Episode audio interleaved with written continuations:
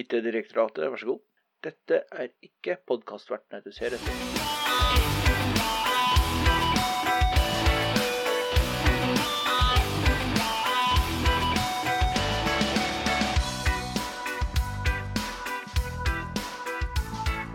Kan vi bare starte, egentlig? Kanskje, muligens? Ja. Ja. Mm. God intro her. God intro. God intro. Det Da er det episode Nå er vi way over podfade. Nå er vi på episode ni. Oh, Ja, stemmer det. Ja, det er godt gått så fort. Ja, har. Og jeg skal egentlig starte med å introdusere en ny uh, drikkelek. For etter å ha hørt gjennom og redigert eh, da nå ni episoder, for vi regner jo inn uh, julespesialen nå, så har jeg lagt merke til at jeg sier ordet 'da' fryktelig mye. Mm. Sånn at hvis noen vil ha IT-direktoratet drikkeleken, så er det bare å ta en eh, skål eh, hver gang jeg sier ordet 'da', så blir man godt i eh, Godt i laget, ja. ja. ja men Nå det- vet jeg at alle dere tre kommer til å legge merke til det underveis. når jeg sier 'da'. Det dette, det. dette er jo da altså en moderne versjon av plingfesten. ja. vi Da-fest. Da-festen. Ja. Da-fest. Da-festen. Jeg liker det. Ja, ikke sant? Ja. Det er min nyttårsgave til den norske befolkninga. Ja. Ja. Så bare se, se opp for dette på et vorspiel nær deg. Ja, ikke sant? Men jeg lurer på, som vanlig, at vi skal bare kaste oss ut i Eller nå er jeg jo direkte uhøflig. Vi har jo, som, vi har jo vår faste gjest. Første gjest. Første gjest. Men og våre faste. Han var jo med i julespesialen. Ja, det var han også. Ja, ja. Øyvind er jo her igjen. Yay, yay. Ja, og skal bistå oss. Med tanke på hvordan det gikk sist gang, så er jeg oh, litt rart at dere inviterte meg tilbake. Ja, det er jo eh, rett og slett kollegial eh, velvillighet som gjør at du får lov til å komme tilbake. Og så tror vi litt på three, three strikes-regelen. Så bare gjør det bra denne gangen, så Så jeg har én episode igjen etter denne. Ja. Ja, ja. Men da, da har vi gjort unna høflighetene, så kanskje vi skal starte eh, Starte unna Starte med litt tall. Ja. Er det noen som eh, føler seg veldig frivillig til å starte? Så jeg kikka på Rikard. Du har litt ferskt tall. Ja, Ja. eh, jeg har nettopp funnet det. Godt forberedt som vanlig. Um, og, og tallet mitt, det var eh, Jeg måtte slå det sammen, til og med, for det, det, så det er 46 prosent. Prosent, faktisk. Ja. Uh, og det er um, eh, antallet jobber som er en eh, liten organisasjon som vi kommer sikkert til å snakke om litt senere, som eh, kaller seg OECD. Eh, Kommer så til å snakke om den senere. det tror jeg. Okay. For jeg har den i notatene mine, så det, det tror jeg vi nok skal klare. Og det er eh, antallet jobber som antageligvis blir radikalt endret på bakgrunn av teknologisk fremgang, og da blant annet automat automatisering? Er det det vi snakker om? En gang til. Automasjon. Automasjon. Automasjon. La oss si automasjon, det var litt lettere. Automatisering ble litt sånn mye eh, kanter. Robotene tar over. Autom, aut, Ja, automasjon. Nok om det. Er det det det heter? Ja. Ja. ja. Ja. Eh, så det er jo overraskende høyt, syns jeg egentlig. At, det er eh, jobber som blir radikalt endra, altså som ikke som forsvinner, men som ikke, får, ikke eh, nødvendigvis forsvinner. Um, vi sier um, det er omtrent 14% av jobbene som, som kan erstattes og forsvinner, og 32% som blir ekstremt forandra. Ja. Jeg vil jo tro at yrket vårt kanskje Ja, eller ikke si, si ikke det. Vi er vel kanskje sånn halvveis automatisert allerede. Ja, I forhold til, eh, til statistikken så er Norge et av de landene som kommer eh, veldig heldig ut på automatiseringsskala, automatiseringsskalaen, om man kan kalle det. Det, vi, eh, det er ikke så mange jobber som vil bli automatisert i Norge, fremfor eh, mange eh, land østover i Europa. Ja, og for så vidt i USA. Jeg har jo vært i USA. Der er jo fryktelig mye eh, dobbel og trippel arbeid. Altså, det å gå og handle i butikk, der, for eksempel, der er det én som sitter i kassa, og så er det to som står og pakker varene for deg.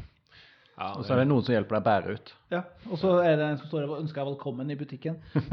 Men er det fordi vi har lite produksjon i Norge nå, eller? Eh, Jeg skulle til å si det, det er vel mangel, altså mangel på sånn på gulvet industrielle jobber Ja. i hovedsak. Og så er jo mange av jobbene eh, veldig kunnskapsbasert. Ja. Så vi er jo Vi, vi det er litt vanskelig å automatisere kunnskap. Ja, For det er ikke mulig å lagre kunnskap et annet sted enn Nei, det er helt umulig. For det da blir den ikke like troverdig og mye mer mm, presis. Og det er ikke noe gøy. Nei, ikke sant. Det er for så vidt et poeng. Litt, litt som å sitte på pub og ha en diskusjon. Ja, Noen trekker frem telefonen og Ja. googler, Ja. ikke sant? Skal sjekke Wikipedia. Så er samtalen død. Du kan ikke bullshitte det. Nei, og det er faktisk et stort tap for meg. Men sånn på den noten, skal jeg ta mitt tall, eller? Ja. Skal Ja. ta litt kjøre? Apropos eh, lagring av informasjon. Jeg har trukket ut et tall om, eh, om, om Altavista. Eh, Nettleseren? eh, ja, nettleseren. Eh, tallet er 300 000 til 80 millioner. Det er flere tall, da, men allikevel. Ja. Så et, et, et mm, Hva heter det for noe? Et spenn. Et spenn, ja. Ja. Dette er altså da hvor mange treff Altavista hadde sin første dag, som var 300 000. 80 millioner var hvor mange treff de hadde per dag to år senere. ja. Ok. Det er ganske gøy, Ja. syns jeg. Jeg har ikke noe mer enn det. Altså, det er bare at jeg syns det var artig at Altavista hadde såpass mange treff per dag. Du, ja, du har ikke samme tallene for Google, for eksempel, på deres uh... Ja, men det, er- det, det er for nytt for meg. Per. IT-direktoratet, vær så god. Har de forsøkt å slå maskinen deres av og på igjen? Ja, men da, da er det, tenker jeg, da er det Øyvind sitt uh... Stikk. stikk. Er det, er det min tur? Ja. Ja, uh, I forrige episode så hadde jeg jo et ganske lavt tall, så da tenkte jeg at denne gangen skal jeg prøve å slå til med et eh, ganske høyt tall.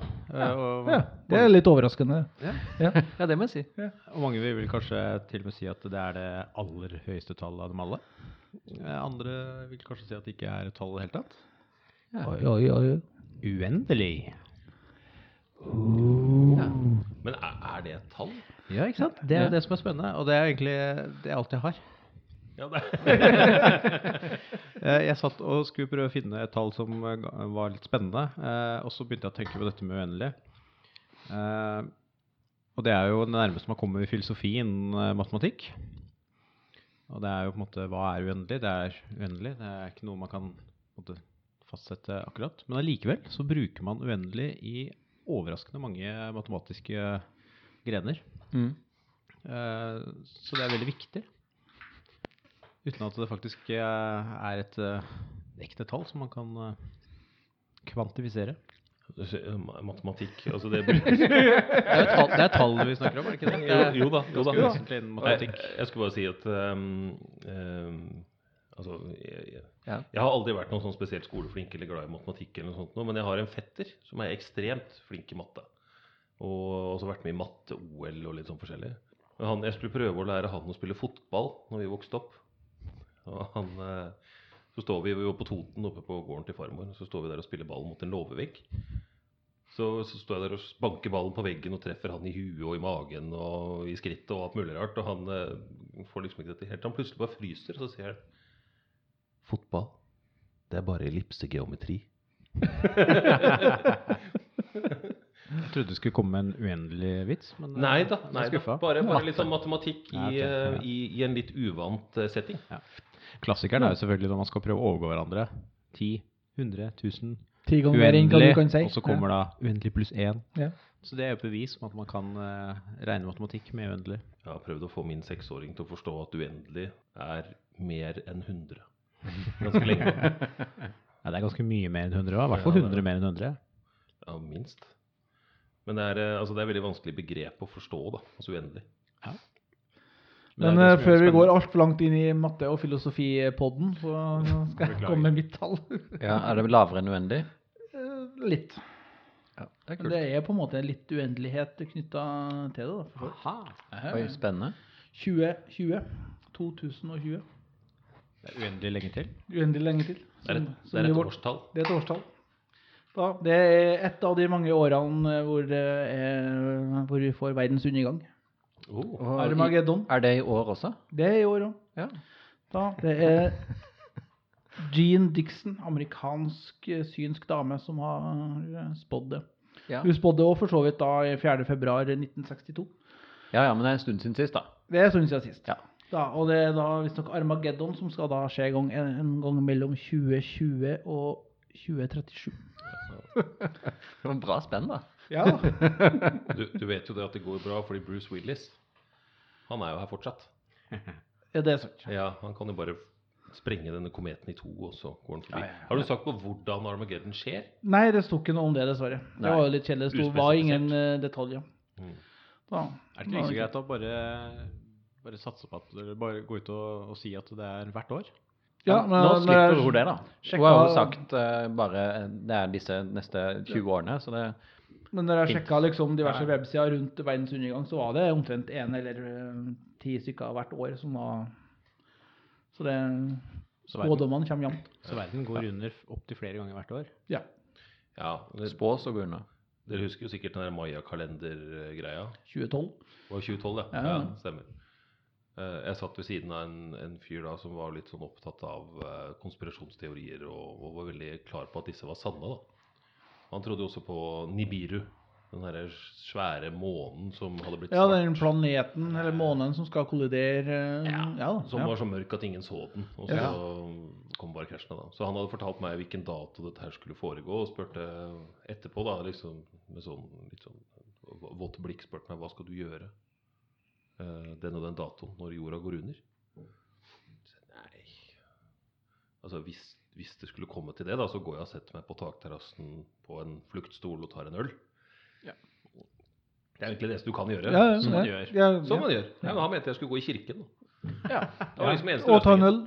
Ja, han skulle holde av plass til meg i kirken. Sånn. Ja, ja, men det er jo hyggelig. det var jo veldig snilt. Ja, omtenksomt. Ja, ja, ja. Veldig omtenksomt. Jeg setter veldig pris på det. Men uh, Det er ikke sikkert du møter opp.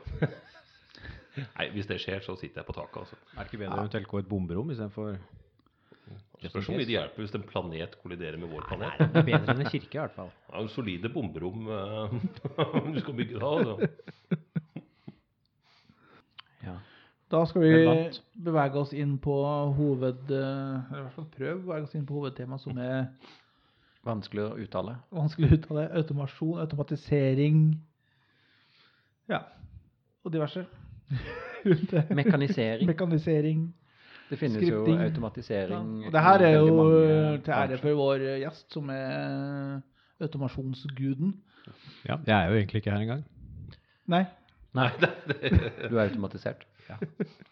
Godt jobba. men en bot.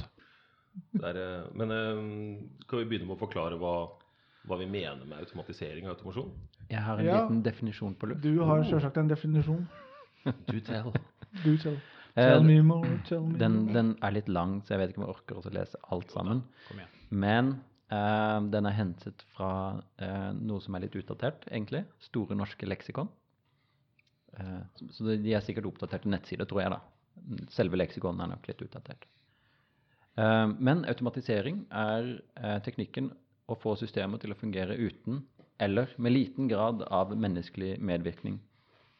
Det benyttes i, på alle områder hvor det er ønskelig å erstatte menneskelig arbeidskraft med selvvirkende systemer. Og det er da i, både i industri og handel og kontor, transport, kommunikasjon, administrasjon, helsevesen og bla, bla. Ja, så det, det, det er på en måte eh, veldig, veldig vidt.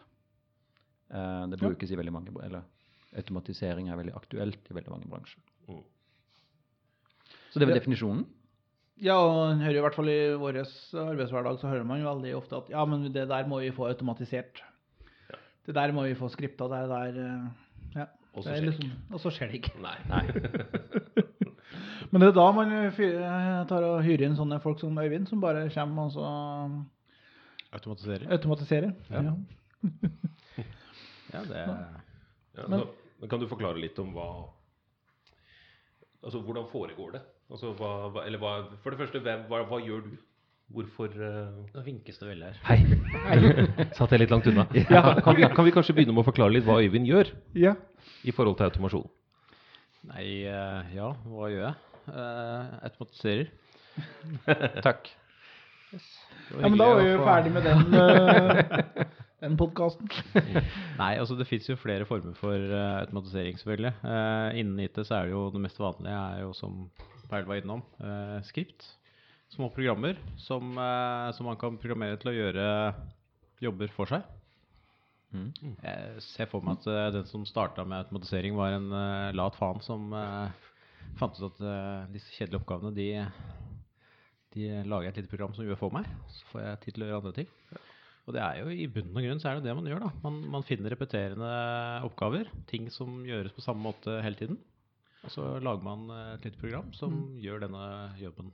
Men hva vil du si liksom, for en, en gjennomsnittlig driftsorganisasjon, hvis det finnes noe sånt i det hele tatt? Hva er liksom typiske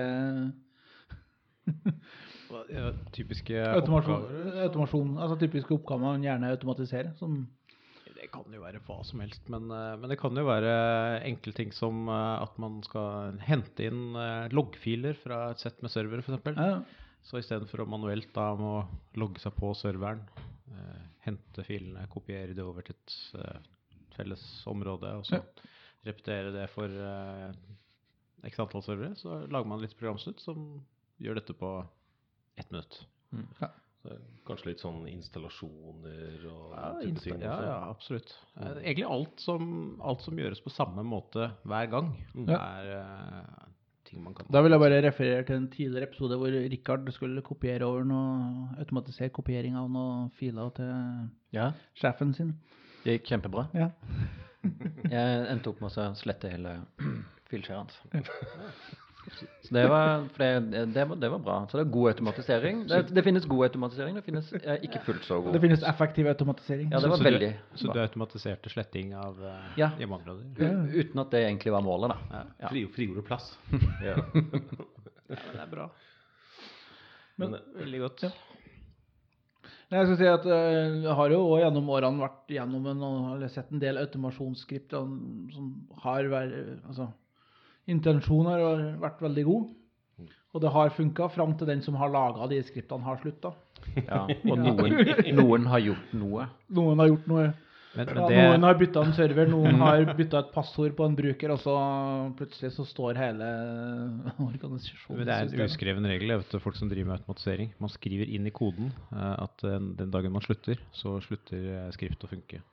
Og så sier man ja, ja, men du trenger ikke dokumentasjon, for dokumentasjon er skriptet. Yes. Ja. Ja, du må bare sørge for at ingen kan lese det. Ja, ja. ja, du bruker jo gjerne sånn egne forkortelser og ja. Sånn, sånn, sånn litt, litt mer administrativ IT-person, da. Så er det sånn, Den har jeg hørt så mange ganger. Det er sånn, har, dere, har dere dokumentert arbeidet dere har gjort? Nei, altså det er bare å se inn i skriptet. Vi har kommentert ut uh, Ja. de tingene som er endra og sånn. Så ja, men det, det, det er bra. Ja. Jeg kjenner meg igjen. Liksom, problemet er jo bare at det hjelper jo ingen andre enn de som faktisk kan gå inn og se i skriptet. Så, Men, men det er jo kanskje litt av problemet også med automatisering, at det er vel fortsatt eh, mange som syns det er litt sånn skummelt og litt sånn vanskelig greie. Eh, noen Ja. er vel kanskje redd for jobben sin og tenker at eh, hvis, eh, hvis det kan automatiseres, så hva skal jeg gjøre da? Ja. Ja, ikke sant. Jo. jo. Men noen må jo da vedlikeholde de der eh, Nettopp. automasjonsskriptene. Nettopp. Ja. Så jeg vil ha jobb. Ja. Men det, dette er jo det som kalles for sånn kreativ ødeleggelse, er det ikke det? Altså, jo, men det, er- det er et begrep, det. Altså, hvor du på en måte altså, Sånn industrielle revolusjonen, da når den kom, Ja. så forsvant jo alle veverne og alle de som lagde laken og sånt noe. Jeg vet ikke hva annet de lagde. igjen. Nei, det, det var bare laken. Faktisk. det var bare laken. Ja, ja, mye, laken, mye laken. Ja. Laken og toga. Laken og For de to tingene man trengte ja. på 1800-tallet. Ja. Ja, ikke sant? Men det, det ble jo igjen da erstattet av andre typer jobber. Altså høyere høyere Ja, putevar. Putevar, lommetørklær, den type ting. Nei, altså, Men det blir jo erstattet av folk som må faktisk overvåke de systemene som gjør VV-jobben. Og du må ha distribusjon, og du må ha mye annet rart. ikke sant? Så det er ikke sånn at jobber nødvendigvis blir borte, men det er at den jobben som utfører akkurat denne oppgaven, går over i andre former. Ja, en annen ting, og jeg også har jo måttet prøvd å si det samme til, til folk som har vært redde for jobben sin pga. automatisering. At det er jo det du egentlig gjør, er at du fjerner jo de kjedelige oppgavene, sånn at du får mer tid til de interessante arbeidsoppgavene som du egentlig ikke får tid til pga. alt det kjedelige manuelle arbeidet som du må gjøre. Og som Mm. til syvende og sist da gjør at den tjenesten eller hva det nå enn er det er snakk om, fungerer bedre. Ja. Altså Det kan være monitorering eller vedlikehold. Og i hvert fall til å begynne med så skaper du gjerne mer jobb, for du må jo rydde opp ganske masse før du kan gjøre det Ja, automatiseringa. Ja. Ja, ja. Altså Automatisering stiller jo visse krav til grunnlaget, altså datagrunnlaget man, man jobber med. Ja. Så f.eks. for eksempel hvis man skal automatisere uttrekk av, eh, av navn, eh, og med så vel navn og adresse og sånne ting, så fordrer det jo at på en måte, eh, navn og adresse er på samme sted og på samme, skrevet på samme måte. Ja, ja. og sånne type ting, ikke sant? Så det, er- det er ganske mye jobb som må gjøres rundt omkring for å klargjøre automatisering. Ja, for, altså kartleggingen. Altså, men sånn når du har gjort da, automatiseringsoppdrag rundt omkring eh, Hvor mange av de har starta til riktig tid, eh, og hvor mange har blitt forsinket pga. dårlig kartlegging? Ja. Ja. Det har de. Ja. Sånn, jeg, jeg bare Litt, litt av problemet der er jo det at man, eh, man kommer til det punktet hvor man tenker at ja, automatisering er løsningen, eh, og så tror man at det er en lett løsning. Ja. Ja. Det minner litt om uh, når man skal outsource. For det er også en lett løsning. Ja. Helt til man faktisk har kommet til punktet der uh, oh ja. Og det, og det er egentlig ganske interessant, fordi uh, automatisering er jo den eneste reelle trusselen til disse store outsourcingsfirmaene. For de jobber jo på en helt annen måte, altså helt motsatt av automatisering. Uh, Ja. Mm. Istedenfor å optimalisere automatisere, sånn som vi jobber med, så gjør de helt motsatt. De har jo masse mennesker som gjør manuelt arbeid. Mm. Kjempevillig. Så eneste reelle utfordringen til disse store outsourcingsfirmaene er jo automatisering.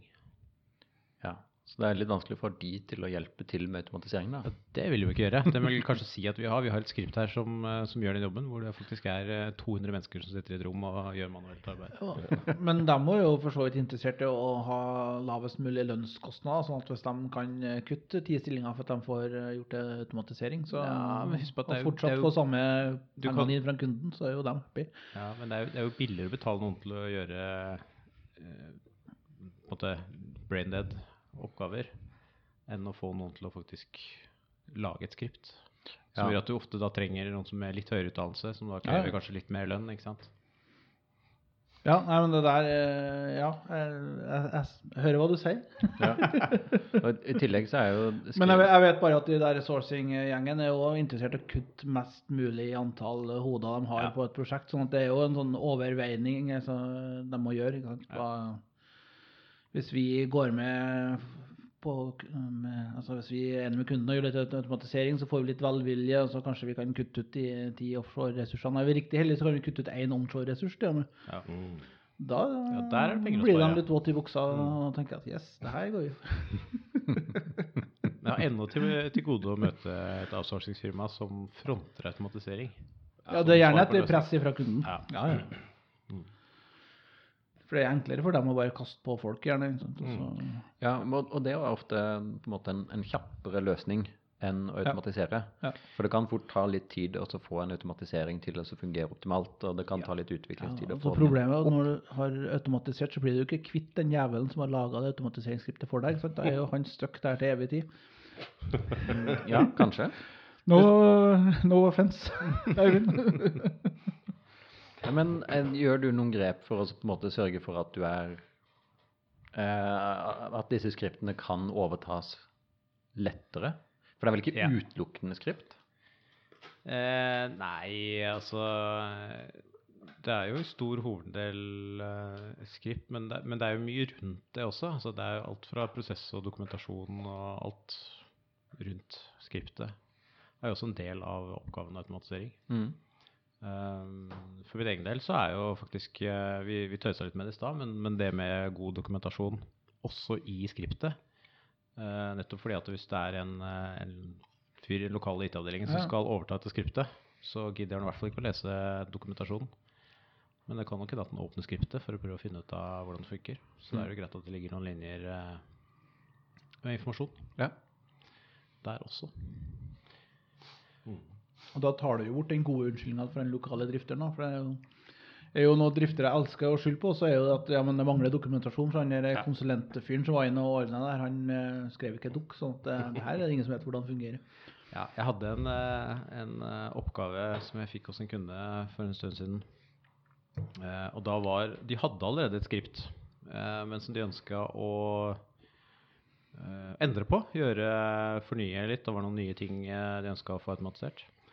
Og det var også skrevet i et, eh, et eh, litt eldre, mer komplisert eh, språk. Og da var det jeg og en til som satt og Vi brukte vel 80% av tiden vår var på å skjønne hva det gamle skriftet gjorde. Ja. Så det var liksom jobben. Og når vi endelig skjønte det, så skrev vi et nytt skript som gjorde det samme, pluss da de tilleggsfunksjonene. Og det, det var mye kjappere. Og det var et skript som ikke var dokumentert.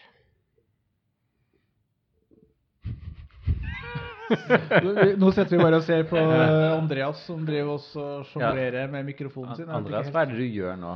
Den eh, Plutselig så pekte den rett ned. Ja, det, har Det er- med, det har med alderen å gjøre. og- Ja.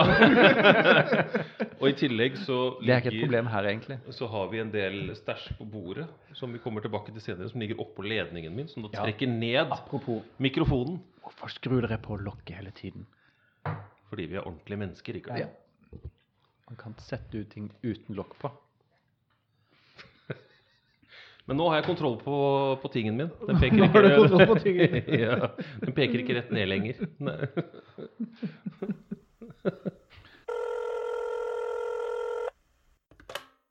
IT-direktoratet, vær så god. Use sword to kill troll.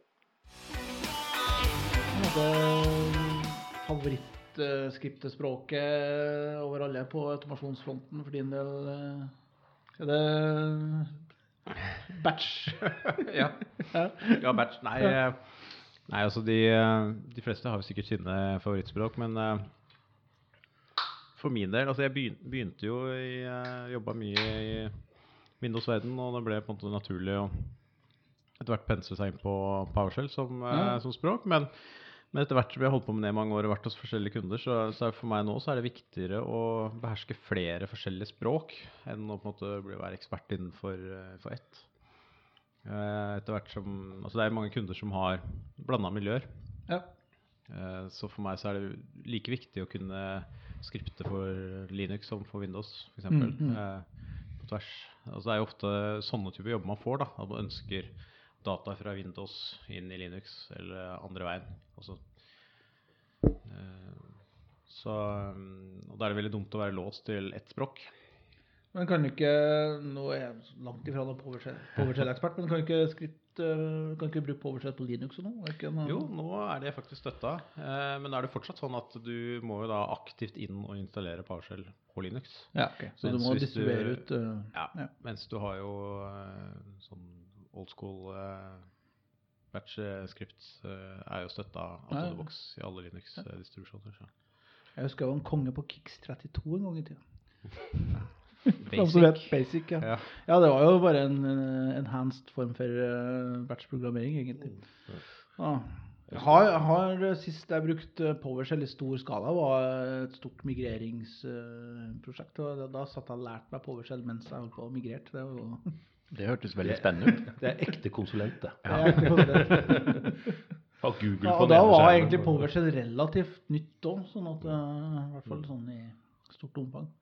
Det var Sånn server 2000 og ja, 2000 og lenge siden. Det, var, det skulle opp på 2000 server 2008 og Windows 7 Det høres var det ja, da. riktig Ja, ut. Ja. Jeg må si, vi, En jeg jobbet med tidligere, eh, han var veldig god på sånne BAT-skript. Ja. Eh, så han gikk foran det navnet Batman. I'm Batman. ja. Batman han gikk rundt i skinnfrakk for øvrig og cowboyhatt. Kjempekul. Ja. Det hører med når du skriver BAT-skript. Ja, men er det altså, Jeg så for meg at det var med en sånn Linux-Unix-karakter å gå rundt i skinnfrakk og cowboyhatt. Men eh, Kanskje. Jeg vet ikke. Men altså, men er, altså Batch er jo mer sånn Windows eh, Jeg vet hva, jeg aner ikke. Han, øh, han gikk i hvert fall kledd sånn, og gikk under navnet Batman. Det er alt jeg vet. jeg har ikke mer å tilføye til den biten enn akkurat det. Men er det litt sånn øh, Altså, må man altså, Hvordan kom du inn i den øh, I det området, da? Altså, Var det bare interesse, eller var det tilfeldigheter, eller var det Jeg, var- jeg var vel så vidt innom der i stad, men eh, jeg var vel en lat jævel, Ja, rett og slett. Det var latskap som fikk deg til å komme inn i egentlig et område som krever veldig mye arbeid før, det, før du ikke trenger å være lat lenger. Når du jobber innenfor eh, drift, så, så er det jo eh, Det er jo ganske mye repeterende, kjedelig arbeid til tider. Jo, jo. Og da, da ble det jo til at du begynte å lure på om det fins en eh, smartere måte å Fins det gjøre et dette på. bedre liv? Ja. ja. Er det mulig å gjøre dette smartere? Så Og jeg har, jeg har jo drevet litt med altså Vi snakka om øh, basic og sånne ting, så jeg visste jo Visste jo litt om disse tingene. Og klart, som, som eh, konsulent så er jo det der en nøkkel til å få forlenge oppdraget ditt. Og idet du starter på et sånn automasjonsløp og begynner å se at det her funker, så får du jo lov til å fortsette, og da får Ja. du jo fornya kontrakten din. Ja, altså en, en av de første jeg tror en av de første oppgavene jeg gjorde sånn innen, seriøst da, innen PowerShell-automatisering, var rett og slett uh, gå ut på servere og hente informasjon. Sånn typisk OK, vi trenger oversikt over serverparken vår. Hvor mange server 2003 og hvor mange server 2008 har vi? Ja. Uh, og det er klart det er jo en ganske tidkrevende, kjedelig jobb hvis du må logge på hver server og, og sjekke, og så notere det i Excel. Så da lagde jeg rett og slett et skript som bare gikk ut og henta alt informasjonen og formaterte det fint eh, i en CSV-fil som vi kunne åpne rett i Excel. Da var du good med en gang. Ja, altså det Ja. fine er at da er det jo det en jobb som, eh, som tar eh, ja, Si at det tok en halvtime å lage første versjon av skriptet, og så tar det ett minutt å kjøre det. Og så sier du til sjefen at nei, dette har jeg jobba med i en ukes tid. Hysj, ok. det er eh, sånn eh, tradecraft. Det her dette- dette, dette- du Peil, blir- peil kutter vekk det. Det blir, det blir beepa ut. Ja.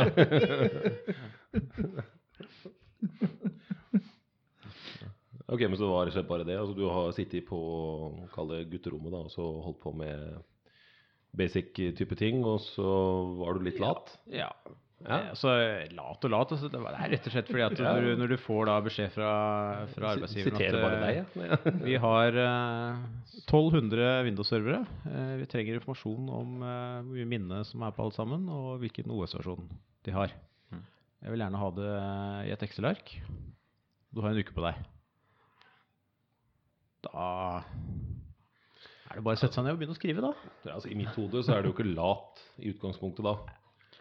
Eh, da er du, altså, det, er noe, det er noe som heter don't, Fornuftig. Don't work harder, work smarter. Ja. Jeg vil heller si at du går inn i den kategorien, sånn sett. Men eh, ok, ja. Men er det liksom, Har du holdt på med det hele veien, eller har du jobba med drift, eh, vanlige driftsoppgaver? Seil lakris? kris. Tung lakris her! Ja. Høy lakrisføring. Ja, nei, altså jeg kommer jo fra, fra driftssiden, så, så det er klart at det Drømmen hadde jo vært å kunne jobbe 100% med automatisering, men det Som konsulent så går det jo litt der kunden peker òg, da. Ja da, ikke sant? Det er jo, det er jo sånn det er, da. Ja. Så, og noen ganger så, så må du jo kanskje overbevise kunden litt om at her er det automatisering som er riktig løsning.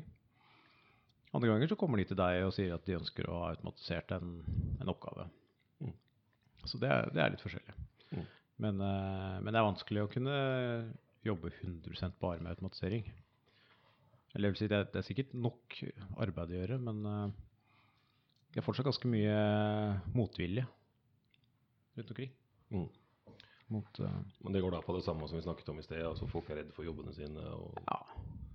Og så er det, jeg tror Rikard, eh, du toucha vel litt på det. altså Det med, det er en litt annen måte å, å komme fram til en løsning på. Du får ikke umiddelbare resultater. Du er en upfront investering i tid. Ja. Eh, som kanskje ikke er like lett for alle ledere å svelge. det sånn, uh... Så en, en jobb som normalt sett tar en time å gjøre manuelt så Første gangen jeg skal gjøre det automat via automatisering, så tar det kanskje to timer. Ja, eller enda verre, en uke. Ja, Men neste gang så tar det ett minutt. Mm. Og alle de gangene etter det så er det fortsatt ett minutt. Men så det er, det er liksom å ha den forståelsen da, på at du, du har en upfront investering. det er sånn short term pain, long time profit. Ja, I tillegg så får du noe som er mer presist. Ja, du, du fjerner jo på en måte det med human error. Ja, eller veldig, veldig feil. Ja, ja det er riktig. Men, men det, er, det er konsekvent feil. Det er veldig ja, det, er, det er veldig konsekvent feil. Jeg har jo, jo hatt mine forsøk på automasjonsskript som har eh, presentert veldig, veldig feil resultat, for at det har vært noe sånn uh, Kommafeil. kommafeil og sånne ting. Ja, som har, liten, eh, liten logisk brist. Ja. Ja, jeg jeg, jeg måtte jo stoppe og ha eh, jeg si, bortekontor midt i Østerdalen en gang, for at det var et migreringsskript som har forskjøvet noen kolonner i E CSV-fil, og det har Da førte det til en sånn akutt, uh, akuttstopp i Østerdalen. For altså, Det er ofte sånne morsomme feil man kommer borti, ja. Så, så man blir ikke uten jobb selv om man driver med automatisering. Jeg har En litt annen type jobb. Jeg har, jeg har hatt ett forsøk på automatisering. Var- var Først forsøker å åpne ølen, og så ramler mikrofonen ned. Da vet vi det. På den andre ølen så går Øyvinds mikrofon rett ned. Det er flere som har problemer med Ja, ting som vi, er, vi, sammen. vi nærmer oss 40, vi, Richard. Ja. nærme oss, ja. Ja, ja. Jeg har fortsatt to år igjen. Sa Paul med masse glede i stemmen. Ja. Jeg, skulle si, jeg har forsøkt meg på ett automasjonsskript én gang. Eh, lenge siden nå, da. Men jeg skulle, fordi vi hadde veldig mye problemer det, på et sted jeg var utleid. hvor uh, Hver jul og hver sommer så ble alle midlertidige og en god del faste ansatte stengt ute fra kontoene sine. ja. Så jeg skulle prøve å lage et skript da, som åpnet alle som hadde um, altså, kontor. da. Ja, Istedenfor å finne ut hvorfor dette skjedde. Nei, altså istedenfor altså, i stedet for å få 70 000 feilmeldinger, da, Ja. ikke sant? så skulle man bare åpne dem, og så får man heller gå inn og så faktisk uh, review det etterpå. Ja, ja. Så problemet var at jeg gjorde en liten feil, så jeg stengte alle hver sommer istedenfor. og hver jul så låste jeg alle brukerkontoer. Så det var mitt første og siste forsøk. Ja, men Det var bra forsøk, det. Ja, jeg prøvde det én gang, og så Ja, fikk, men det fikk jeg ikke det må jo ha virka veldig bra. Ja, ja, altså jeg klarte å lukke alle. Ja. Ja da. ja da. Ja, da, når vi snakka om blundere rundt sånne ting, så tok jeg på et, eh, i et adgangskontrollsystem hos en større norsk bedrift. Det her var rikt- heldigvis da eh, før de flytta inn i det bygget. Men der eh, klarte jeg å kludre til et importskript som gjorde at eh, alle sammen, alle 40 000 ansatte i det eh, adgangskontrollsystemet eh, ble hetende det samme og fikk akkurat det samme bildet. I dag så Eh, var det, Der var under implementasjon, implementasjon, så det var nødvendigvis ikke noen sånn en dags gammel backup å gå tilbake til. liksom. Det var sånn Norsk Kloning AS. Ja, vi var litt der. Det er morsomt. Så det ble en sein kveld. Uff, ja. Vi har alle hatt noen sånne, tror jeg. Ja. Men når vi snakker om automasjon gone bad. Altså, jeg vet ikke om dere har hørt om Grey Goo? Grey Goo. Grey Goo, ja. Det, Det er jo sånn eh, selvreplikerende nanoteknologi. Just det. Da, hvor det liksom bare hele greia at de lærer å replikere seg sjøl, så de bare overtar Altså de spiser materiale for å replikere seg sjøl, så de overtar hele planeten. Så blir, hele jorda blir bare sånn grå masse. Til slutt hele universet, faktisk, for de bare replikkerer, replikkerer, replikkerer. Så ja, Dette skal skje en gang mellom 2020 og 20... 2037. Ja. Jeg skulle, Dette hørtes ut som en fryktelig dårlig idé, egentlig. ja. Den som har skrevet det skriptet, burde få sparken. Ja, Litt sånn Skynet over dette her, egentlig. Ja, ikke sant. no- Noe, Nei, så det er sånn eh, dommedagsteori eh, automatisering og replikering. Kanskje ikke akkurat skripting, men i hvert fall sånn eh, automatisering og selvreplikering og ja, men her snakker vi om 3D-printere som printer Ja. nye 3D-printere, så har du ja. Ja, ja, ja. Ikke sant? Men her snakker vi om noe helt annet, eh, for så vidt. da. ja, vi snakker ikke om skriptene til Øyvind. Nei, ikke Nei. sant? Jeg skulle, her snakker vi om noe fysisk. Altså ja, blir Altså selv, Selvreplikering av skript det er jo brukt ganske mye. Det er innenfor hacking og virus og sånn. Sånn. Ja, virus eh, Ja, for som, det som er jo kopierer seg selv og, Ja. og sender seg selv videre. Kopi av seg Ja da, I love you-viruset har jo, som sagt, jeg tror jeg nevnte tidligere, men et av mine første, første jobber var jo også å rydde en exchange-server for I love you-viruset. Det, det var ikke skripta, det var å sitte og rydde manuelt. Følte du deg elsket? Jeg følte meg veldig elsket. Ja, fordi det der er jo egentlig ganske interessant. da. Altså, det, er, det er jo sånn med alle sånne her ting at det kan brukes både i godt Altså med god vilje og med vond vilje. Ja. Men uh, disse øhm, altså sånne angrep som foregår på Som du hører om en del, da. Altså, jeg vet ikke, altså DDoS er det et type Der står det bare og pinger kontinuerlig, gjør det ikke det? Altså, Kanskje ikke ping, men ja, du står og sender Ja. masse trafikk mot et mål. Altså det er flere hundre tusen maskiner som Men sender. ja, det er automatisert. Ja, det sitter ikke 100 000 russere og, og manuelt Trykker eh, enter. Nei. Pil opp enter. ser for meg en svær kar som står med en tromme i enden. Bom, bom, bom, bom. Enter pil, enter pil. Ja, ja. Nå angriper de her, russerne!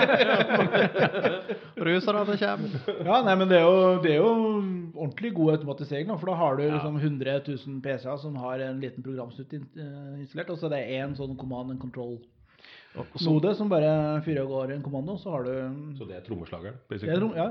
Og som det ofte er, da, så er det jo bad guys som ligger i forefront da, når det gjelder ja. Yes. ny teknologi. Ja. Så de jobba jo med automatisering lenge før det ble mainstream i eh, vanlig, vanlig bedrift. Mm. Så, og det, så det er jo nesten Det er andre, andre ting. Eh, de hackerne nå driver jo nå med graph-teori og, Ja, ja, og sånne ting som, som, enda, som er såpass nytt at eh, vanlige bedrifter vet ikke hva det er engang. Men Hva da er snakker, vi jo, da snakker vi gjerne hackere på nasjonsstatsnivå, Ja, ikke sant? ja, Så det er jo ikke ja. han eh, i, som sitter i, eh, Det er ikke Torfinn i gutterommet sitt, for å si det Kjenner sånn. du Torfinn? Torfinn på, Torfinn på Bøverbru som sitter og Men hva- er graph? Nei, altså det er rett og slett at når de infiltrerer et system, så, så tegner de opp et, måte et, et kart over mulige veier for å komme seg fra der de er, til der de skal.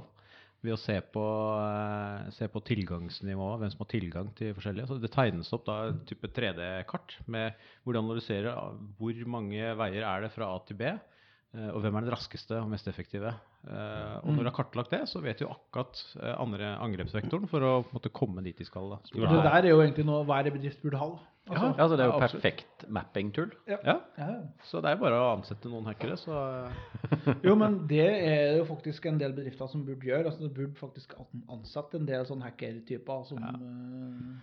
Ja, for, for dette, er, dette er språk som hackere behersker uh, perfekt, mens uh, hvis du nevner det for eh, en sjef i en norsk bedrift, så, så bare ser de dumt på deg. Bare, hva, hva er det du snakker om? Hva er dette for noe? Ja, klart det, og de aller fleste drifterne eh, er jo type allsidige, så det er jo sånne allmennpraktikere. Så du må jo liksom eh, Du vet litt grann om alt, men det, du har veldig sjelden tid til å sette deg ned altså, og spesialisere seg. For det, Du skal både være eh, ansvarlig for eh, lokal support og backup og serverdrift og telefoni og ja. Ja, da blir det lite grafteori. Ja. Det er faktisk ganske spennende. Jeg har faktisk ikke hørt om før. Altså grafteori. Nei, nei, det er eh, Da lærte du noe nytt, Andreas. Jeg gjorde det. Endelig kommer denne podkasten til nytte for deg òg. Ja. Ja, det var på høy tid. ja, det vil jeg si. Ja, bare hyggelig. Vi måtte dra inn en gjest før du kunne lære noe. ja, ja. ja. Ja, det er bra. Ja, det, det, har, han har lært om terninger og sånne nyttige Ja, ting, men det innrømmer han jo ikke. nei, det er Litauen eller Latvia har jeg også lært om. Har du lært om OneNote òg? Eh, Jeg vet at det fins, Ja. men den, Syn- vår, synken den synkroniserer ikke. Nei. Ja, men apropos diverse sånn feil Kaffesynk. eh, kaffesynk. Fe- Feil eh, statements, eller ting vi har sagt som er feil, så skal vi Vi har jo bestemt at vi skal jo ha en eh, egen eh, episode til å rydde opp i. sånn. Vi skal ha en egen IT-revisjonsepisode, rett og slett. Ja. Hvor vi skal Så bare, Hvor bare jeg, hvor jeg skal snakke snakke sammenhengen i 45 minutter. Men det er vel sånn at det er ikke lov å rette på gjester. Nei, nei. Altså, det er ikke lov å rette på oss, men du kan komme med et forslag på, eh, på en måte Ting som muligens var feil. Kan, ja, som kan utbedres, eller Du kan kan komme på en bedre med, måte. med observasjoner, altså non-conformancies og sånne ting. Mm. Da du kan påpeke ting, men ikke love rett, selvsagt. Så det ok. ikke- Nei. nei, nei. Men det må jo folk bare sende inn. Det, det er de velkomne Ja, og hvor til kan de sende inn det? På, på internett. På internett kontakt at itdirektoratet.no. Ja, Og da, riktig. Det er vel IT-direktoratet med bindestrek. Bindestrek, ja. Jeg må få ordna sånn at vi har eh, e-post på den andre adressen. Ja, det hadde vært lurt. Det hadde. Og så kan dere også gå inn på interweben. In- ja. Interweb, Inter-webben. it-direktoratet.no. Ja. Ja. Ja. Ja, ja. Eh, Der kan man faktisk sende inn direkte I et, i nettsiden i et sånt skjema. i et skjema. I et skjema. Så, og så mottar jeg dem, og så svarer jeg på dem. Ja. Og så, og så leser jeg dem opp i podkasten. Ja. Kan det hende at vi har fått et leserbrev? Vi har fått nok et leserbrev. Vi har, nå, dette er vårt andre i rekken.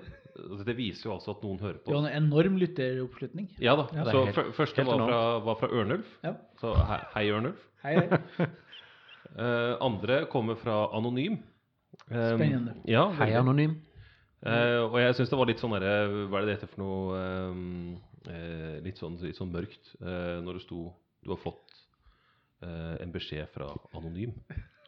Ja. ja. Så tenkte jeg bare hva, har skjedd nå? Eh, dette, dette er jo skummelt. Men han var veldig, eller han eller hun eh, var veldig kort og konsis i, i, i, sin, i sitt innlegg. Så det eneste som sto der, det var uh, høtt. det, var, det var alt. Så Men er er det en korreksjon, eller er det bare et utsagn? Nei, jeg føler litt at det var Det, det er litt som eh, Altså når du heier på noe. Så- Ja, så en slags en hilsen, eller ja. Høtt! Høtt, høtt. ja. Ja. Ikke sant? Og det, er, det, er jo, det høres jo litt aggressivt ut egentlig når jeg sa det sånn, merker jeg. Ja. Men eh, det var veldig hyggelig, så takk Anonym. Ja, Ja, det var det var et veldig hyggelig at eh, man tar seg informativt, tiden. vi- og vi tar det til etterretning. Ja, vi tar det til Ja. oss. Ja, vi legger det på, som dattera sier, vi legger det på idéhylla. Ja. Ja. Eller som jeg liker å si, jeg putter i egoboksen. Ja. Eko? Ego. Ego, ja. Ja. ja. Ikke ekkoboksen. Det er noe hvis det, er, hvis det er ekko i egoboksen din, Richard, så er det på tide å gjøre noe med det. Ja, det, det kan godt være at det er det. Men eh, skal vi da bare skli eh, sakte, men sikkert vekk fra hovedtemaet, så kanskje skal vi Ja. Har vi noe mer rundt det? Nei, vi har kanskje ikke det. Jeg vet har du, ikke. noe, har du sett det å brenne på noe som du føler er usagt? eh? Nei, jeg kommer på det når vi avslutter. Jeg kan spørre et spørsmål, da. Eh, Hvis, hvis det er noen som har hørt på dette, som føler et brennende ønske om å starte med å jobbe med automasjon, hva, hva bør de gjøre? Altså, hva, hva Besøk bloggen til Øyvind. Har du en blogg? Øyvind har en blogg. Ja, faktisk. Ja. Ja. Så har jeg det. Er, er den automatisert? Jeg har lenge siden jeg har vært inne på den selv, så det Men det er stadig vekk nye innlegg. Men eh, det, det er jo veldig morsomt, da, for den kan vi jo legge ut på Instagrammen vår, altså bloggen. Linker Twitter og and Instagram, yes. Yes. yes. Så du kan, bli, du kan bli famous on the gram. men, Yay, eh, men, men, har du noe, men har du noen tips til type verktøy, bøker, eh, whatever folk burde gå inn på og sjekke ut? Eller? Ja, altså Det fins jo mylder av bøker, men jeg vil nok uh, starta med informasjon som er litt mer tilgjengelig. Rett og slett eh, Google. Eh, Vår venn. Ja. Ja. eventuelt Altavista. Mm. ja det er nettleser. Det er nettleser. så må du holde Nå må du- Får du stokke beina dine, Øyvind. Nei, altså det viktigste er jo kanskje også faktisk ha en oppgave du ønsker å automatisere. Eh, det er litt vanskelig å starte hvis, du, hvis målet er å at du vil automatisere.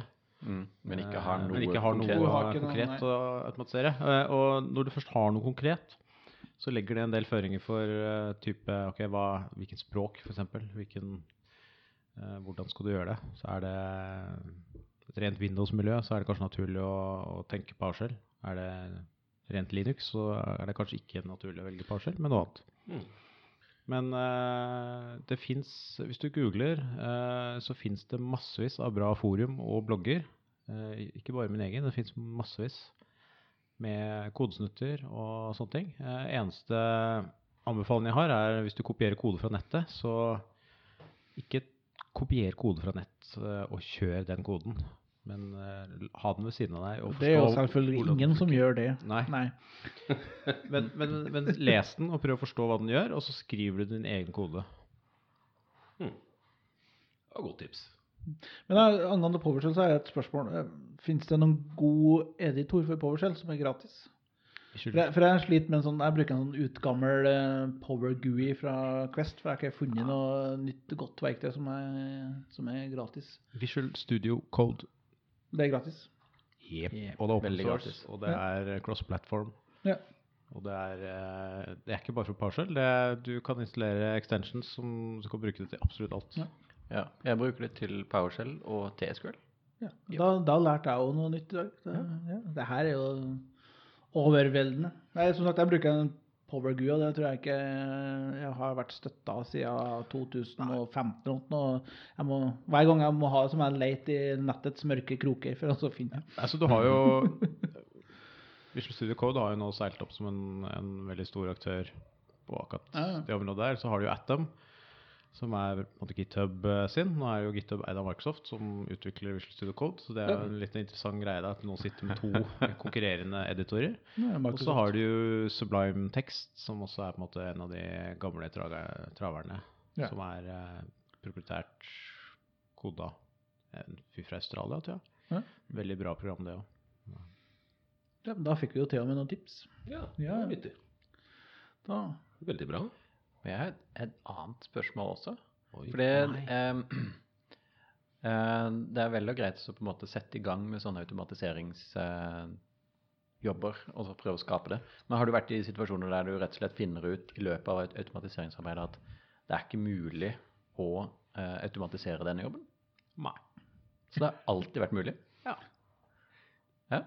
Men det er ofte at man eh, blir nødt til å ta en liten prat med de som som har bedt deg gjøre jobben, og si at uh, dette er mulig, men det vil ta betydelig lenger enn de tre dagene du trodde det kom til å ta. Ja. Ja. Mm. Og kan det hende at du da må gå på, litt kompromisser og kanskje ikke få nøyaktig det de Ja, spesifiserte i Det- kravspekken. det hender. Det er ikke noe gøy, men, men sånn er det. Ja. Mm. Men stort sett i mål kommer du. Ja. Ja, man, man må ha en viss grad med kreativitet også når man driver med automatisering. Ja, det, det, er, det er jo mange måter å komme til, eh, til mål på, mm. som oftest. Mm. Ja. Jeg syns dette, dette har vært fint, jeg. ja, det er nesten eh, litt sånn eh, information overload her nå. Ja. altså jeg føler jo dette her er jo faktisk veldig IT-relevant. Og Det er vel kanskje en av de mer in informative podkastene vi har uh, klart også å produsere. Vi har bortimot holdt oss on topic i en hel Ja, episode. det er, det er Men nå må jeg jo bare innrømme da at vi har vel ikke akkurat uh, tappa temaet fullstendig. Nei. Det er litt igjen i automasjons... Det er nok også ganske typisk oss. Men jeg, Ja, det er akkurat midt i blinken, jeg, faktisk. jeg føler at det er vel heller ikke hensikten vår. Nei. Men eh, det er jo på en måte Vi har jo hovedsakelig sett på IT-biten av det. eh, men de har det jo i alle bransjer. Ja, ja, ja. Dere nevnte vel i Buzzword-episoden uh, AI, Ja. Ja. som også er en form for automatisjon. Automatisering. Ja, ikke sant? Det er vanskelige ord. Ja, det er veldig. Ja. Ja, og det gikk jo veldig bra.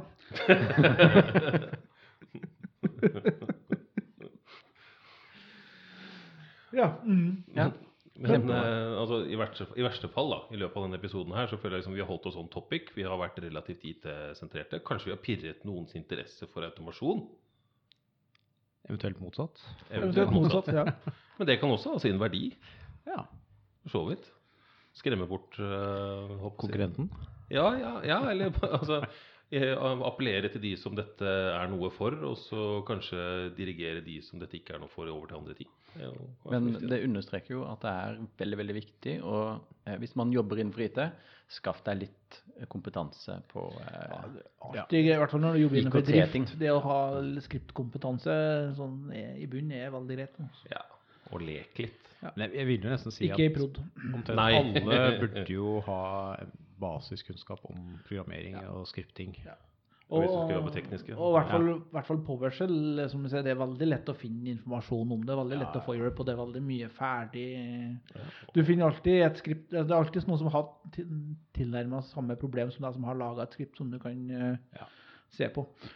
Ja, og så er det jo, så er det jo slik at uh, det, det, holdes jo av og til uh, seminarer og foredrag rundt uh, disse temaene. Altså PowerShell.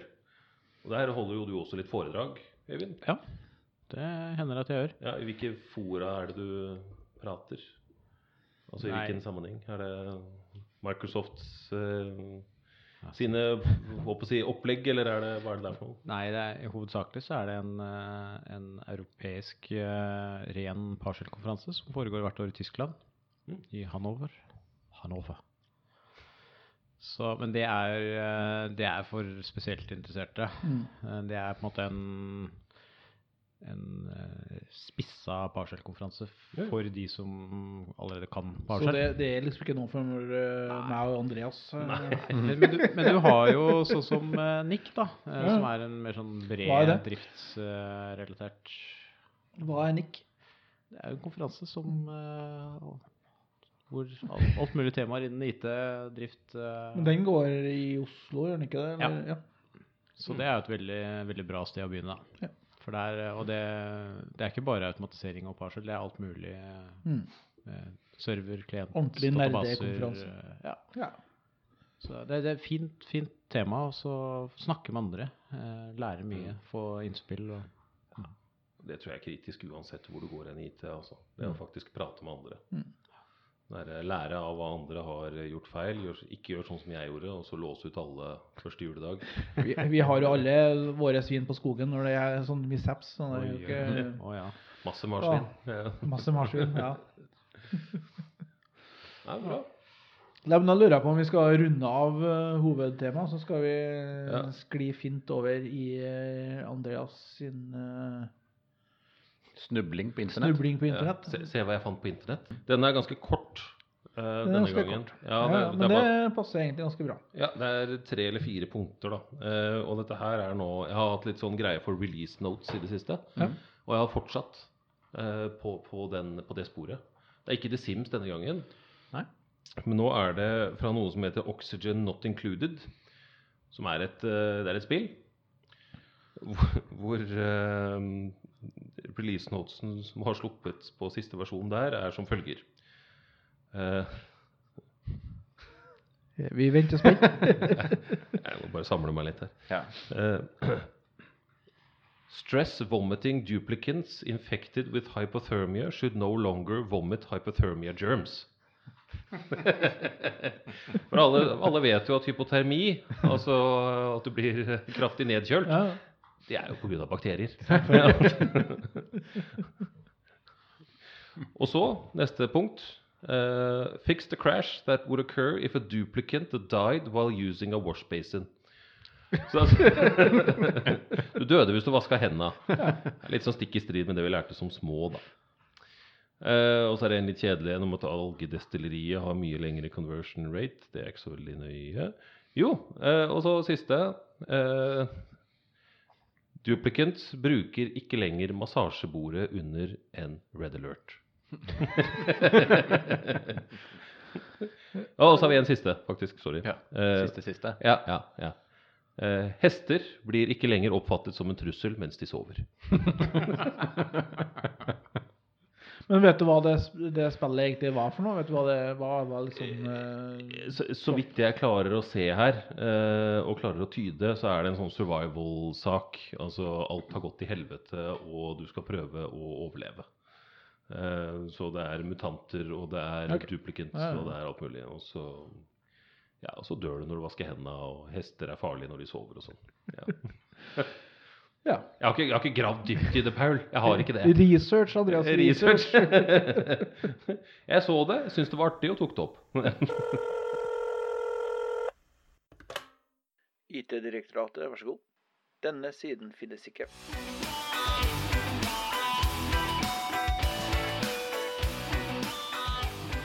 Men Rikard, du har Oi, jo oi. Ikke så, ikke så kjapt. Nei. Du har jo eh, et uh, spill, hva er det du? Ja, yeah. eh, det kalles Human Resource Machine.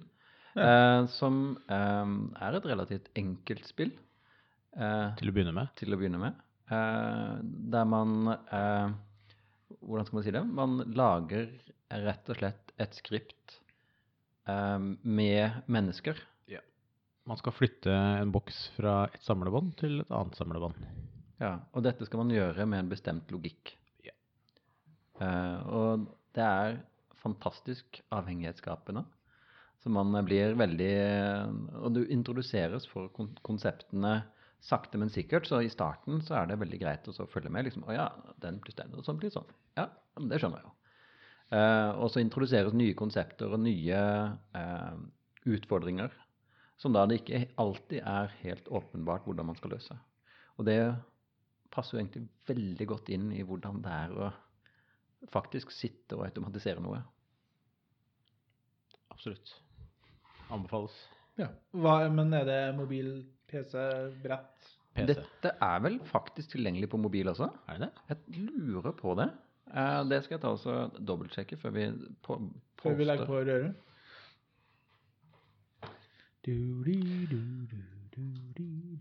Skal vi se. Skal jeg, bare, jeg må bare klare å skrive Tilgjengelig på Apple Store.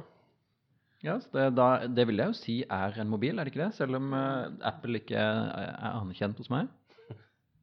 Jeg slutter meg til den. Det er nå lastet ned. Det er faktisk lastet ned, ja. Ja. Det fins en helt egen kategori på AppStore for, med spill for kodere, hvor det meste er uh, relatert til automasjon, ser det ut til. Ja, det, det fine med det er jo som Rikard sa, at du starter jo veldig enkelt, og så blir du introdusert for eh, temaer og innfallsmåter for å løse spesifikke ting, da, sånn, sånn sakte, men sikkert. Så du blir sånn snikopplært innen programmering. Er Gamification. Ja. Snikprogrammering. Ja, det høres ikke bra ut. Før du vet ordet av det, så har du lagd din egen Jeg vil ikke bli programmerer. eh, Nei, men før du vet ordet av det, så har du lagd din egen if-løkke. Ja. du, du vet ikke at du har gjort det før etterpå, og da, blir det liksom, da er det for seint. Da er du Ja. stuck i Og da syns du at det er gøy. Ja, da er det kjempegøy. Ja. Men så neste problem dukker opp da, så er ikke den ifløkka alene nok lenger. Da må andre Så det havner på kjøret, rett og slett? Ja, rett og slett også. Så er du på Ja. ja. Ja, og det, det er eh, Det starter med, med Altså, det er jo drag and drop, så det, de fleste er ikke sitte og så taste inn ting. Det hadde jo funka dårlig på mobil. Ja. Uh, så det, det er absolutt uh, Man bør testkjøre det. Kan for øvrig nevne at det er på norsk faktisk også på AppStore. Oi, oi, oi. Oi. Ja. Guffen. Så på den ikke anerkjente app-storen så er det da Bare, bare for øvrig si det at de har ikke lært seg setningsoppbygning i, i den norske oversettelsen. Så orddeling, det er eh, det, er, det, er det heftig mye av. Post, rom. Tema for ja. eh, kan, kan det være automatisert, den oversettelsen? Ja. Godt, godt poeng. Ja, det kosta penger på, på Android Store, men det gjorde det vel på Apple òg. 55 penger. Ja, er et tilbud på Android på, til 44. Så Det da er klart, hvis, hvis, det kan skaffe deg, hvis, hvis det kan være starten på en karriere, så er 55 kroner relativt billig, da.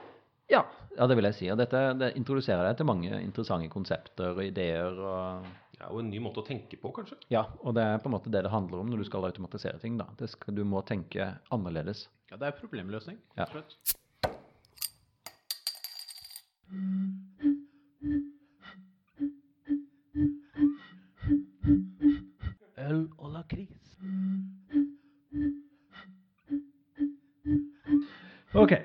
Øl og lakris. Øl og lakris. Øl og lakris.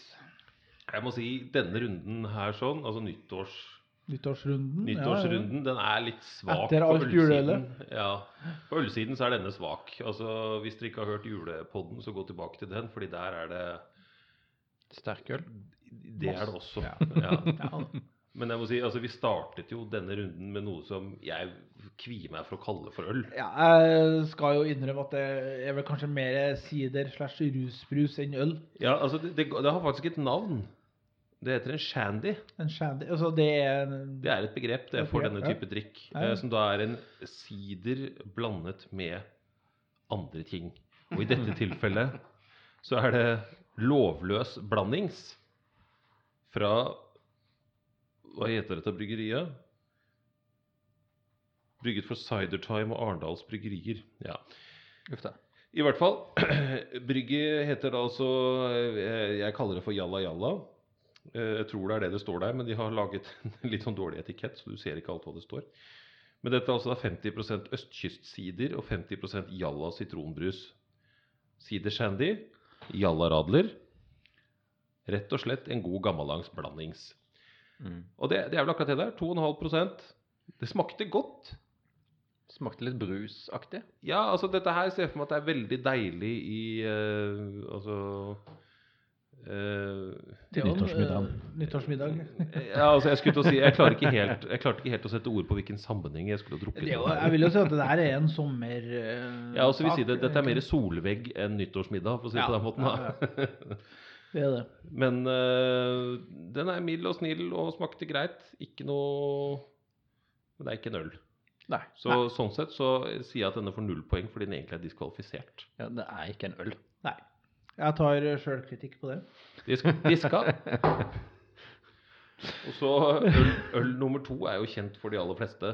Um, Dette er Ja, her har vi, nå, nå er vi jo skikkelig eksperimentelle her, egentlig, på øl nummer to. Ja, jeg vil si Det, det. vi beveger oss langt ut på, På Vestlandet, på Vestlandet. Ja. faktisk. Uh, vi har eh, gått til det steget å, å, å ta en Hansa Pilsner. Og var det det det var? Ja. Og dette er jo Altså Altså, det, dette er jo kanskje det mest vanilje du klarer å få tak i i norske butikker, vil jeg påstå. Bortsett fra faktisk vanilje. Ja. Ja, men va- vanilje, vanilje-Øyvind er ikke øl. Men dette er altså da et sånn middels søtt, middels fruktig og middels bittert. Ordentlig middels øl. Ordentlig middels. Det er helt på midten. Jeg vil si det. Og altså, for, for meg så er Hansa og type mm, Ja, vet ikke hva jeg skal ta som hadde Tuborg og den type ting. De stiller litt i samme klasse. Mm. Funker veldig fint hvis du bare skal ha en øl. Ja. Ja. Men det er ikke noe, det er ikke noe eventyr på noe som helst vis. Nei, det er jeg helt enig i. Det er- for meg så er dette her en, en, en grei 50. Ja. Ødelegger det litt uh, mitt sånn slagmoment som da var Det er helt på midten 60. Ja, nei, jeg, det var liksom poenget mitt òg, så nå gjør du det. Jeg, jeg, lander, jeg lander på 40, for jeg vet at uh, jeg får alltid så besatte hodepine hvis jeg drikker oh, ja, så du, Ja. du baserer vurderingen din på tidligere erfaringer? Ja, jeg må dra inn det rett og slett på den her. For det, Jeg har samme problemet med, med Mack. Ja, ja det er- den jo er samme greia. Hver, faktisk. hver gang jeg reiser til Tromsø, så må jeg Altså hvis vi skal ut på i ølteltet eller noe sånt nå, så er det Ja, vi skal ut i Tromsø, ja, greit. Uh, Mack? Ja, ok, fint. To Paracet før vi går ut, da. Ja. Øyvind, har du noe vurdering av uh, Hansson? 55. 55, ja. 55? Uten videre brodering? ja. ja men jeg syns den var fin, ja. Det Fin, eh, en fin karakteristikk. Skal vi se. Nå Og så er det jo dessverre sånn, da, at for hver eneste pod så får Paul lov Han har frie tøyler til å kjøpe øl. Ja. Og han har funnet en butikk som har mye Veldig mye interessant øl. Ja. Ja. Ja, Gulating har mye bra å by på. Burde egentlig, egentlig Det er, burde synd, vi, det er synd ikke du kjøper noen av de tingene. Vi burde egentlig snakke med Gulating om sponsing. Uh, skal vi se. Dette er da altså et øl fra Little Brother Brewery. Ja, Som jeg tror er- det var det ølet het. ja. Nei da. Nei da. Dette er da altså Oslos minste mikrobryggeri. Og Da er det lite. Ja da, de brygger 80 liters batcher. Ja, forbrukerkontakt er at gmail.com. Ja. det er to gutter eh, som brygger. Ja. Eh, De ser veldig hyggelige ut på nettsiden, eh, det må sies. Men det ølet vi da altså har eh, konsumert i denne, denne podkasten Nå er det mulig du må klippe litt, Paul, fordi Jo, jo, det går bra. For du Battle Galactica det Ja, det var det. For jeg, jeg trodde også egentlig Jeg trodde også egentlig jeg ville hete Little Brother. Det var ikke bare meg, nei. Nei. Først så gjør du narr av meg, og så etterpå så bare Ja, nå, Paul, nå må du bare redigere bort det som eh. Men jeg tror det er akkurat det samme som Rikard. Akkurat det samme. Ja, ja, jeg gjorde det, faktisk. Det. Mm -hmm. Mhm. Eh, skal vi se. Men så var det da altså å finne en eh, kommentar rundt dette, da. Ja.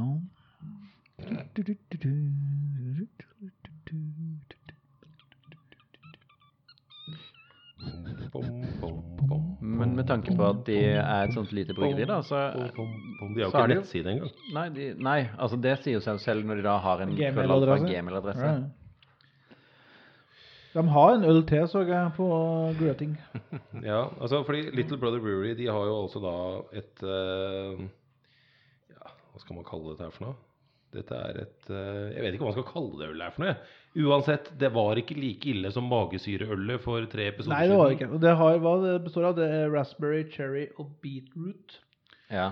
Ja, altså det, dette er altså da det, det, Her har vi det vi må slite med, Richard. Paul kjøper altså da et øl som består av raspberry, det er altså da bringebær, Ja. eh, kirsebær Ja. og rødbeter. ja. Ja. Dette kommer han altså da slepende med inn til podkasten. Og så skal vi sitte og drikke dette her mens vi intervjuer ærverdige Øyvind eh, samtidig. Og prøver å holde straight face. Ja. Jeg må si vi klarte det ganske greit. Jeg syns dere er flinke. Ja, jeg synes også Dere det. er dyktige, rett og slett. Men eh, det, dette ølet for meg er en eh, 40. Ja, det, men det var jo Det var jo overraskende høyt til hver Ja, altså det er mulig jeg kan gå ned til 35, men Å oh, ja, noen må forhandle deg ned høyt. Ja, ja. ja, 30, jeg, jeg går for 35. Noen lavere. Altså, jeg, jeg, jeg, Jeg er på 30. ja, jeg er nok eh, enda lavere enn det. Åh. Men jeg har bare tatt to slurker. Så Hvorfor- jeg tar en slurk til, så du- går jeg ned til 25. Oh. og så sier du 40. Fordi det der magesyreølet ga jeg vel 20, eller hva det var for noe? Var det 10? Eller én. Nei, jeg ga det ti, fordi jeg, jeg, jeg nektet å tro at det fantes noe dårligere enn det. Eller noe Jeg nektet å tro at det ikke fantes noe dårligere enn det ølet. Men vi har notert det ned. Ja, der står én. Ja, ikke sant? Har jeg det- sagt igjen? Ja. Ok, da én. ja. men dette her er var, dette her var vesentlig Ja, bedre. det Ja, er det skal åpenbart, siden du sier 40. Så er det jo mye bedre. Jeg har jo gått ned til 35, Rikard. Ne- Det går ikke an å justere ned Jo visst pokker gjør det det! juks. Rikard, hva, hva, hva var det du 20, var det du sa? Jeg tipper det. Jeg tipper det var det jeg sa. Jeg husker ikke lenger. Jeg tror ikke jeg tok en slurk av dette ølet, da glemte jeg litt. Jeg, Hvor jeg var hen? det er- ikke ølsmak på dette. Nei, det er ikke det, men det er øl, faktisk. det Så her er jo ikke Det er det, det, derfor er den ikke diskvalifisert. Ja, 25, tenker jeg. Ja. Ja. 25, faktisk. Ga jeg høyeste karakter til dette skvipet her? Bordet fanger. Ordet fanger- Nei, unnskyld, jeg skal ikke si skvip. Altså, full støtte til Little Brother-bryggeriet, som brygger små batcher og, og selger og gjør business. Det er kanskje greit at de batchene er små, er det det du prøver å si? Ja, i hvert fall dette ølet. Eh, Men, eh, men så er det jo pant på flasker, da. Eller, Det er Men det. eh, Øyvind, ga du noe 30, var det ikke det? 30? Ja. Ja. Altså, det var jo ikke vondt, men uh, Det var heller ikke altså to slurker holdt. Ja, Den tredje altså, slurken, da merka jeg at det, var for mye. surølsak, Ja. det her også. Så så lenge du holder deg til to slurker, så er det veldig bra. ja, så må du ta en lang pause. Det er liksom ikke et super kvalitetstegn for en øl. Liksom Når noen sier nei, hvis du holder deg til to slurker, så går det bra. Ja, men, men, men det er jo ikke fordi at når du tar tredje slurken, så smaker det vondt. Det er mer at det ble bare for mye av den, den smaken. Ja, igjen, da, det er ikke et kvalitetstegn for en, for en øl. Jeg prøver å være diplomatisk. Ja, det, du, du, er, du skal ha for det. Du skal ha for det. Nå skal vi ta lakris eh, Nå har vi jo faktisk lakris. Ja, Ja. det. Vi har lakris. Vi har det. Eh, noen av disse har vi jo sikkert eh, meldt før. Det kan du se på lakrislista di. Jeg har ikke laga noen lakrisliste. Ja, skal vi starte med den vi, vi kan eh, starte med den som er helt sikkert ukjent, og det er den, eh, den gylne. Den gullfarga. Den Ja. heter Gold. ja. Gold, ja. Lakris by Bulo Gold Raspberry. Og de er da dekket av Det må jo stå veldig godt, denne ølen, i og med at den er raspberry. Ja, den må Ja. matche veldig bra. eh, hvis du, hvis du klarer å finne noe som matcher med den ølen da. Det var du som ga den høyeste karakter, jeg vil bare. Ja, ja, men altså For meg, da, så er liksom spennet for drikkende er fra ca. 40 og oppover. Alt som er under der, det er eh, Mm, Ja, mm, mm, det er dassvann. Uh, uansett, lakris høyeste Gold Raspberry. Vet du hva? Altså, det, er, det er sånne små gullfarga kuler. Skal du dele med oss andre? eller? Nei. Du liker den litt for godt? Ja, men det, så, jeg, jeg pleier vanligvis å like best de mest spicy uh, Ser jo ordentlig tacky ut, da. Ja, det ser ordentlig tacky ut. Det ser ut som julepynt. Det ser ut som sånn kakepynt eh, som du fikk på um, Som du får på sånne kaker, sånn kakepynt som ikke kan spises. Når du tygger inn, så er det bare beinhardt sukker. Ja. Eller er plast? Ja. ja. ja. Jeg har en historie der. på, På... Godteri så har vi 1 til 10, har vi ikke det? Jo. Jo. Jeg Det er viktig å ikke ha den samme skalaen. ja. Skal jeg begynne, eller? Ja. Jeg vil gi den der en, eh, en femmer. Altså en overraskende sterk femmer. Jeg trodde det skulle være en toer, men det var det ikke.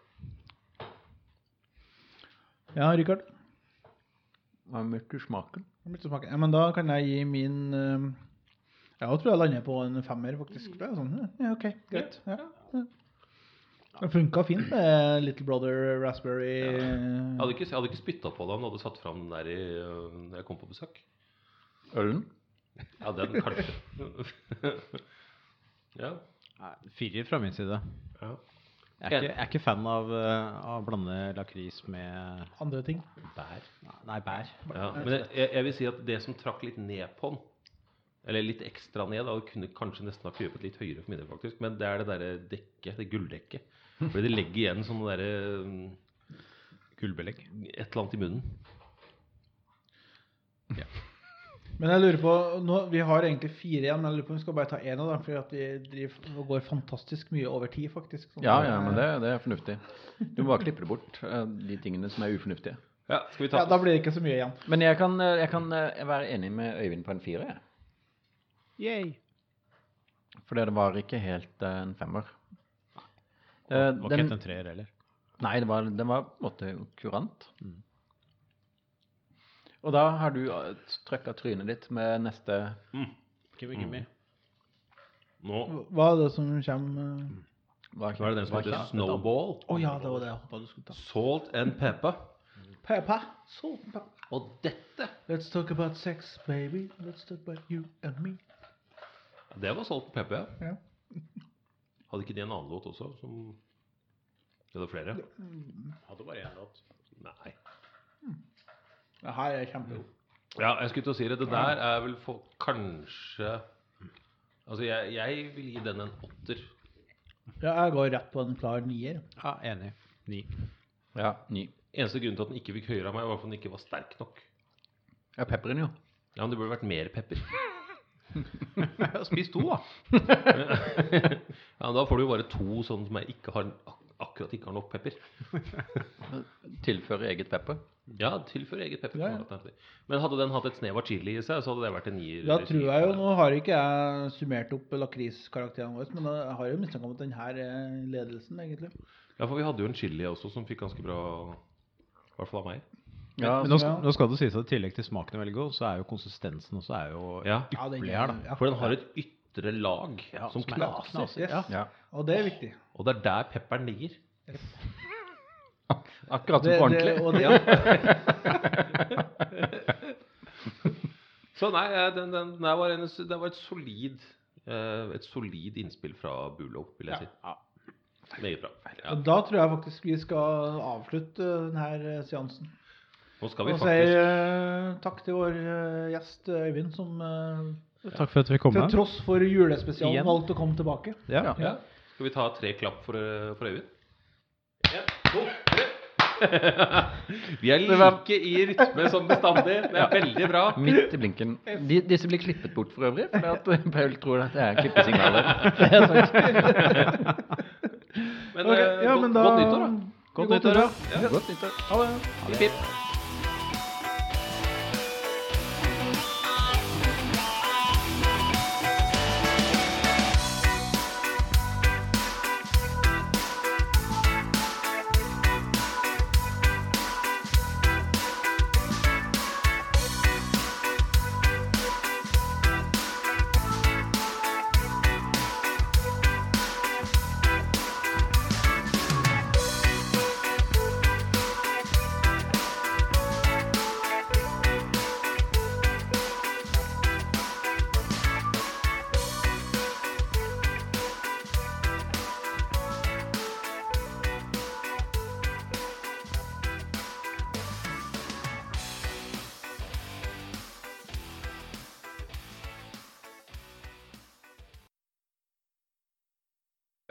Spilte sånn, jeg vet ikke 20 leveler eller noe sånt.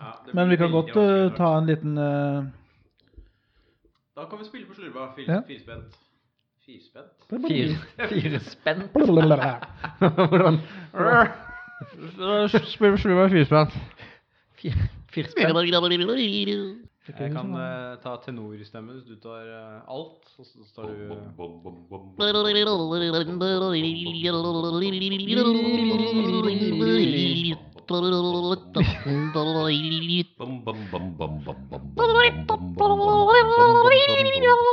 Jeg føler vi var veldig inkonsekvente der, gutter. Dette holder ikke vann. Oi.